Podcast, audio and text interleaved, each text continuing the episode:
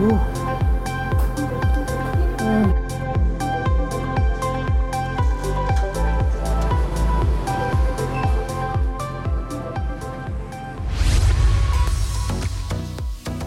Cari sarapan di Jakarta Selatan? Banyak dong!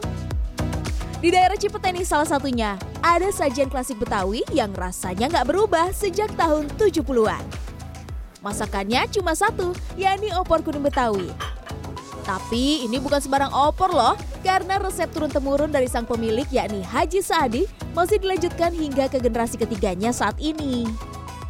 Kalau dilihat dari bumbunya sih sekilas mirip dengan opor pada umumnya. Ada kunyit, jahe, bawang, dan kemiri yang dihaluskan. Daun salam, daun jeruk, serai, asam jawa, gula merah dan putih, serta daun bawang. Tapi opor khas Haji Saadi tidak memakai santan, melainkan kelapa parut yang disangrai menggunakan api kecil selama 2 jam. Ibu, ini kelapa yang tadi disangrai atau digongseng tadi ya Bu ya. Dari 10 10 buah kelapa jadi cuma segini. Wah, tapi ini jadi kunciannya ya Bu ya. Nah, sudah berubah warna sampai coklat kayak gini. Lanjut abis itu proses apa Bu kita Bu? Bikin kuahnya kah atau apanya lagi nih? bikin masak masak Langsung ayam masak. Oke, siap. Yuk, let's go. Bumbu rempah yang tadi telah disiapkan langsung dimasukkan ke dalam panci yang telah berisi ayam kampung yang telah dipotong. Didihkan sampai matang, baru masukkan kelapa yang telah disangrai tadi. Lalu aduk sampai rata. Setiap hari ratusan porsi opor dari minimal 30 ekor ayam tersaji di atas meja makan warung yang tak pernah sepi pengunjung. Saya lihat ibu tuh masaknya sendiri. Terus eh, apa namanya?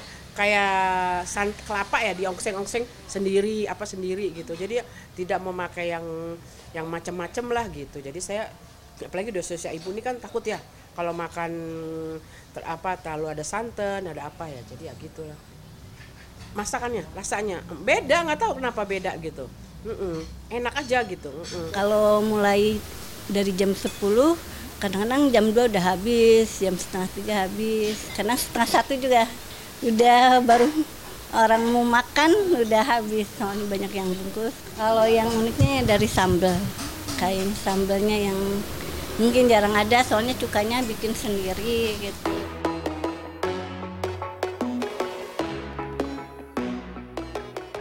Saatnya saya icip opornya nih. Jangan lupa cocol sambalnya ya. Cuka di sambalnya ini terbuat dari air kelapa asli yang sudah difermentasi terlebih dahulu selama satu minggu.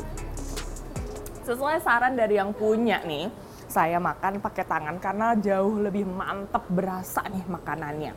Kalau dari kuahnya memang nggak pekat ya, tapi keset banget waktu coba seruput. Jadi masih ada kriuk-kriuk dari surendengnya. Sementara kalau dari daging ayamnya ini walaupun pakai ayam kampung tapi empuk, gurih, terus berasa banget segernya apalagi ketika dicampur pakai sambal cuka khas dari warung ini, ya kan? Pakai nasi, pakai timun, pakai pete. Top banget. Hmm.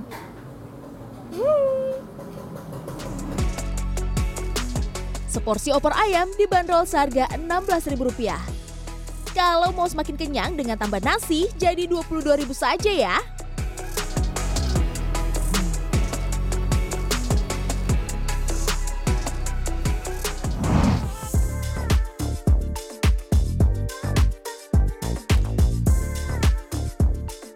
Dari hidangan klasik, sekarang lanjut kita coba makanan kekinian yang gak kalah asik. Lokasinya tidak jauh dari daerah Dharma Wangsa. Para pecinta bakmi, mari merapat ke bakmi daging legenda yang toppingnya nggak hanya ayam loh, tapi ada kepiting, daging sapi, dan daging bebek. biar beda dan kami memakai bahan-bahan premium. Kita sampai eh, kalau hari biasa kita bisa sampai 200 sampai 300 mangkok kak. Kalau untuk weekend kita bisa sampai 400-an kak. Daging tersedia dalam dua pilihan, yakni daging lemak tipis dan saikoro yang dimarinasi terlebih dahulu dengan bumbu penyedap rahasia, kemudian ditorch atau dibakar hingga matang. Nah, untuk daging bebek sebelum dibakar dalam tungku direndam dulu selama satu malam dengan bumbu rempah, minyak wijen, dan saus tiram. Setelah dibakar selama 2 jam, bebek kemudian digoreng agar kulitnya lebih crispy.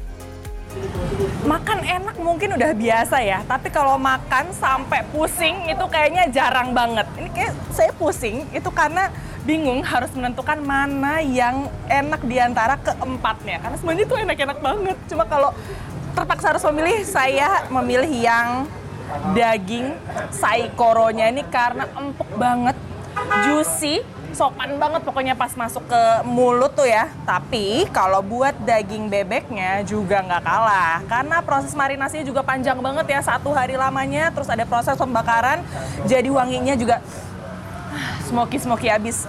Enak semuanya. Makan! Hmm.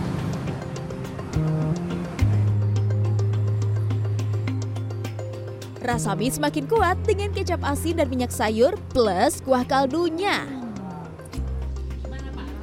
Wah luar biasa, saya habis full tuh. Dan saya nambah topping lagi tadi, ayam jamur. Nah, dan semuanya enak, semuanya luar biasa. Dan ada lagi yang satu kerupuknya di sini free.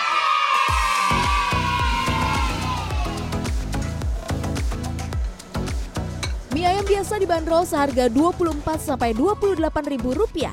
Tapi untuk mie kepiting, bebek dan daging semuanya dibanderol seharga 39 ribu rupiah per porsi. Penasaran mau coba semua toppingnya? Bisa dong. Seporsi mie dengan semua topping bisa disantap seharga 42 ribu rupiah. Clarissa Aradia, Kurnia Yuniarwan, Jakarta.